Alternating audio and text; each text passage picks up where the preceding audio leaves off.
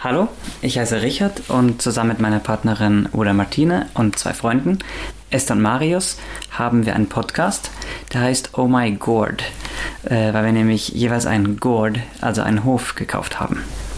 Wir sind hier in Tynset, einem kleinen Ort in Norwegen, ungefähr fünf Stunden nördlich von Oslo, in den Bergen.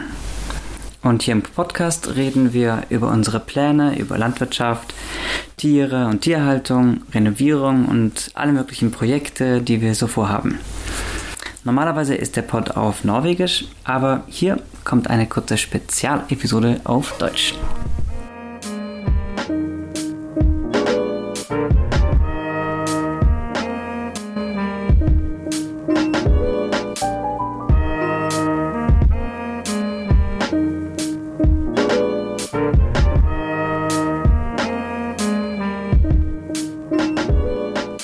Oder Martine, weißt du, letzte Woche haben wir ein Urlaubsspezial auf Norwegisch und Schwedisch gemacht. Ja. Und dann habe ich gedacht, vielleicht könnten wir einen auf Deutsch machen. Für deinen äh, dein Vater und äh, Bruder. Und Jojo und Herrn Schöttler. Nicht unsere Katze. Und alle anderen, die ähm, nicht skandinavisch verstehen, aber trotzdem gerne daran teilhaben. Ich dachte, wir könnten eine kleine Zusammenfassung machen, was wir gemacht haben und was die Pläne sind. Okay. Ja? Aber dann musst du äh, meistens sprechen. Okay. Ähm, Kannst du mir ein bisschen Tran abholen? geben. Geben. Können alle deine Fehler rausschneiden. danke, danke. Ähm, ja, Tran muss nämlich sein. Jeden Morgen. So ist das in Skandinavien. ja. Oder Norwegen. Ja. Also, wir sind nämlich immer noch hier in Westheim. Das heißt, Und wo ist Westheim und warum sind wir noch hier? das heißt in Tinset, Tinset Downtown. Ähm, wohnen immer noch in dem Haus, bis dem, in dem wir bislang gewohnt haben. Und ähm, wir bereiten den Umzug vor nach Olboy. Der findet hoffentlich später, wahrscheinlich nach Margits Namensfest im November statt. Aber bis wir nach Olboy zum Hof, auf unseren Hof ziehen können, müssen wir noch ein paar essentielle ähm, Dinge dort fertigstellen. Zum Beispiel ein Bad und eine Küche. Aber wir haben schon einiges dort gemacht. Wir haben ähm, die Küche blau gestrichen. Das haben wir im Juli gemacht. Und dann haben wir alle Laminatböden abgehoben. Und ich glaube, eine ganze große Box mit ganz kleinen Nägeln aus dem Boden gezogen. Und diese ganzen Spanplatten weggemacht. Und dann haben wir Das Gras rasiert? den Boden geschliffen. Oh ja. Und dann haben wir äh, den Boden geschliffen. Dazu haben wir so eine große Maschine ausgeliehen. Hier von einer der örtlichen Baufirmen. Und dann haben wir den Boden gewachst. Stimmt. Mit so einem Wachsöl, Ölwachs. Das hast du gemacht. Ich glaube, es war sogar eine deutsche, ein, deu- ein deutscher Hersteller dieses Wachses, Osmo. Hartwachsöl. Und das haben wir mit zwei Räumen gemacht. Und in diesem. Küche, Küche und die Hall Und die Eingangshalle? und das Bad. Ja. Und apropos Bad, ähm, als wir den Hof gekauft haben, war da ein super kleines Bad drin. Das war vielleicht anderthalb Quadratmeter groß Ja. und äh, hat ein Klo und ein Waschbecken und einen Duschkopf, aber eigentlich keine Duschkabine. Und ähm, das wäre ein bisschen unpraktisch mit Baby gewesen. Und außerdem ein bisschen klein. Ja. Und dann waren wir nicht ganz so zufrieden mit der Aufteilung der, der Wände da an diesem Eingangsbereich. Und deswegen haben wir die erstmal alle rausgerissen. Und jetzt müssen wir alles abbauen. Aufbauen. Okay. Ja. Und wir haben zwei ähm, äh, wie geht? Zwei Wände Zwei Wände abgebaut, aufgebaut. Mhm. aufgebaut. Aber wir brauchen noch äh, Panel Mhm. und äh, ein Waschbecken und ein Klo. Toilett, Klo Oder Toilette. oder, und äh, die Dusche. Mhm. Ja, Und wie das momentan aussieht, kriegen wir ein Bad, was viereinhalb Quadratmeter groß ist. ja, glaub so. Aber mh, wir machen das meiste selber, aber ein paar Sachen muss man natürlich machen lassen. Zum Beispiel Klempner und Elektriker. Ähm, sollte man nicht selber machen, darf man nicht selber machen. Mhm. Teilweise kann man es vielleicht auch nicht selber machen. ja, und wenn das passiert ist, dann steht unserem Umzug eigentlich nichts mehr im Wege. Aber du hattest was anderes zu tun. Hm, Ich muss nochmal meine Doktorarbeit fertig schreiben. Ja, Die muss am Ende November eingereicht werden. Und, du musst eine Tochter aufpassen. und dann sind wir tatsächlich einfach auch noch Eltern zwischendurch. Eigentlich die ganze Zeit. ja. Du fängst wieder an zu arbeiten. Ja, im November. Mhm. Viel zu tun. Ja. Hm. Was gibt's sonst noch von Albright zu erzählen? Ja, oh, heute haben, nein, nicht heute, gestern äh, hatten wir elf oder zwölf Verschiedene Büsche. verschiedene Büsche Aus, Auf. ausgegraben, gegraben und abgegraben. umgepflanzt. Okay, Ja. Von hier ähm, dort. Nach dort, ja. ein paar Rosenbüsche, die wir erst neulich gekauft haben, die dachten wir, die nehmen wir mit. Und ein paar andere Büsche, die wir versucht haben, hier anzusiedeln, die wir auch mitnehmen. Man muss wissen, äh, wir sind hier in einer der höchstgelegenen Klimazonen, wo überhaupt noch was wächst. ja, so, so jeden Busche, das äh, hier das letzte Jahr, Ja, überstanden hat. Oh überstanden, muss wir mitnehmen. Ja, Ja, man teilt, man teilt Norwegen in acht verschiedene Klimazonen ein. Also was wächst, was wo wächst. Und eins ist das mildeste, ähm, irgendwo in Südnorwegen wahrscheinlich. Und acht ist das härteste. Und wir sind in acht. und das nächste ist ähm, Das nächste ist Karlfjell. Karlfjell. Ja. Ja. Zum Beispiel wächst Korn eigentlich hier nicht. Man muss wirklich rausbekommen, wo auf welchem Acker genügend Windschutz ist, dass man das gerade so mit Sommergerste hinbekommt. Mhm. Wir haben ein paar ähm, Acker mit Korn gesehen, Ja, ja. aber nicht so viel. Und wir haben ein kleine Ackerstücke, dass wir vielleicht Korn kann versuchen. Ein kleines Ackerstück ähm, muss man jetzt natürlich erklären. Klein ist natürlich irgendwie ein relativ relativ. In unserem Hof Ja. ist das ein kleines Stück. Ja, das haben wir auf jeden Fall Lust ähm, zu probieren. Und dann hatten wir auch ein paar Tiere auf dem Hof diesen Sommer. Ziegen, Zieglein und Herr Schettler. Ähm, die Ziegen, die großen Ziegen und die kleinen Ziegen wohnen eigentlich auf Sturegen, also auf dem Hof von Odas Eltern. Aber ähm, wir werden die wahrscheinlich jetzt im Winter haben.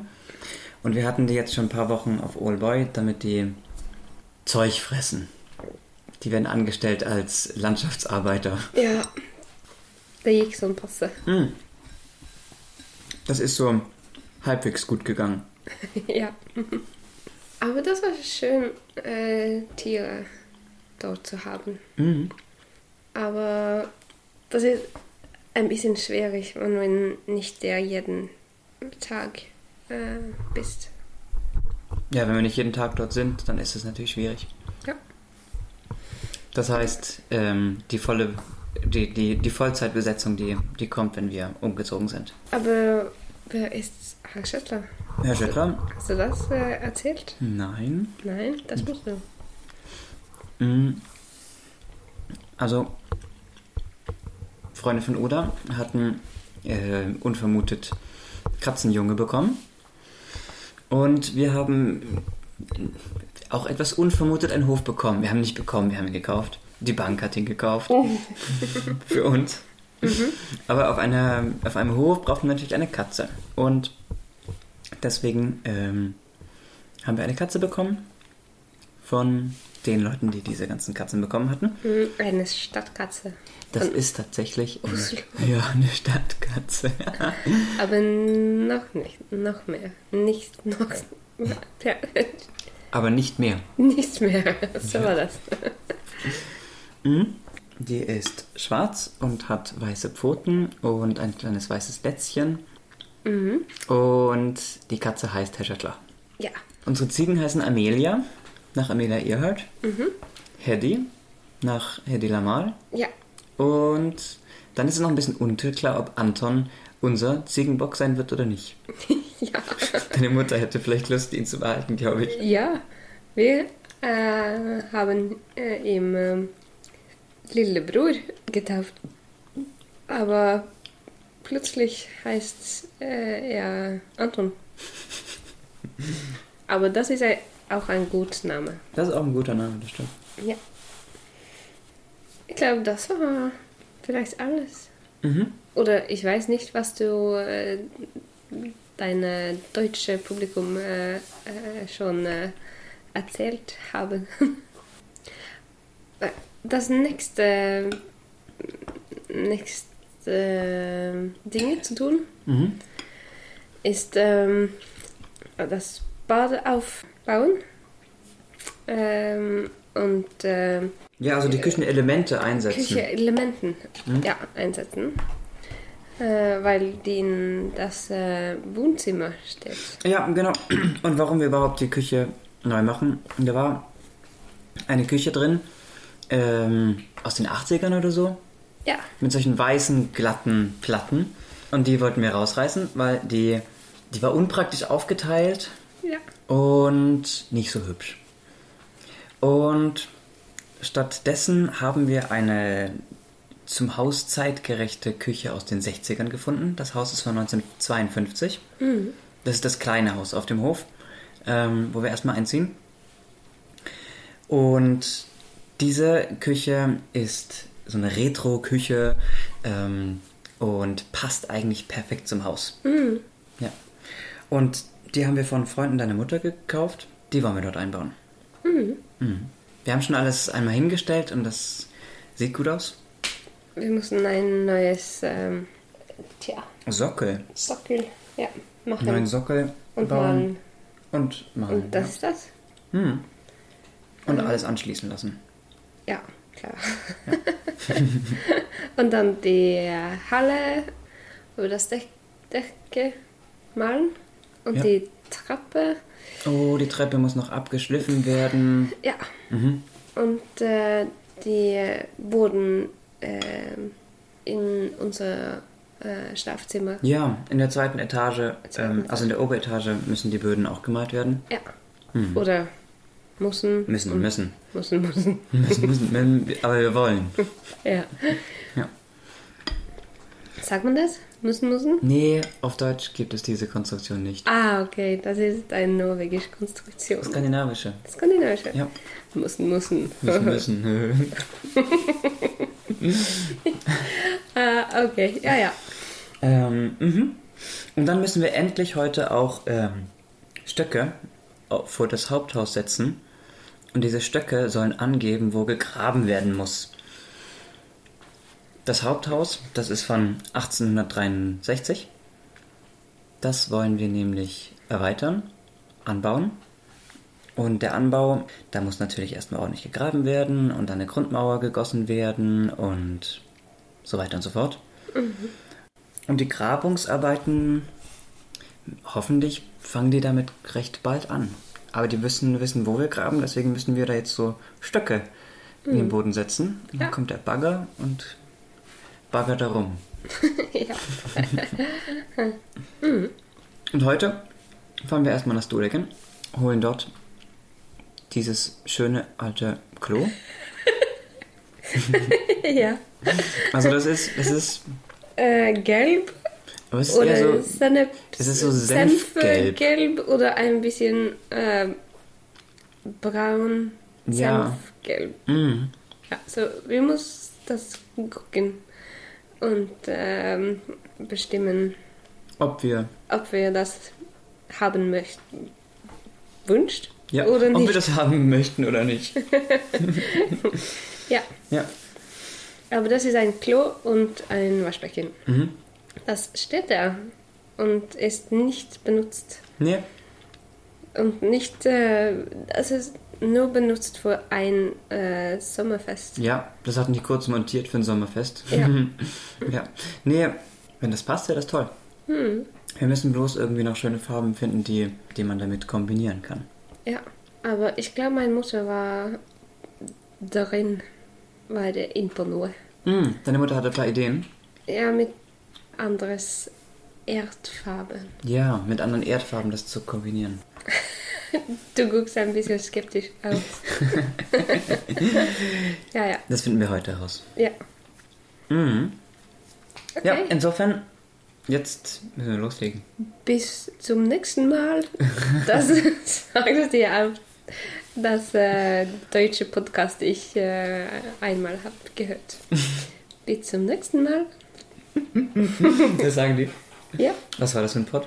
äh, Deutsch gelernt, Ah, glaube ich. okay. Erkennst du das? Ja. Ich habe ein bisschen äh, über das ähm, weiße ähm, ähm, Weißwurst. Weißwurst Ja. gelernt. Und äh, die Duden habe ich gelernt. Und ja, alles. Super. Duden und Weißwurst, das ist eigentlich repräsentiert das Deutschland. Ja. Ja. So ist das. Ja. Okay. Gut. Bis zum nächsten Mal. Hui.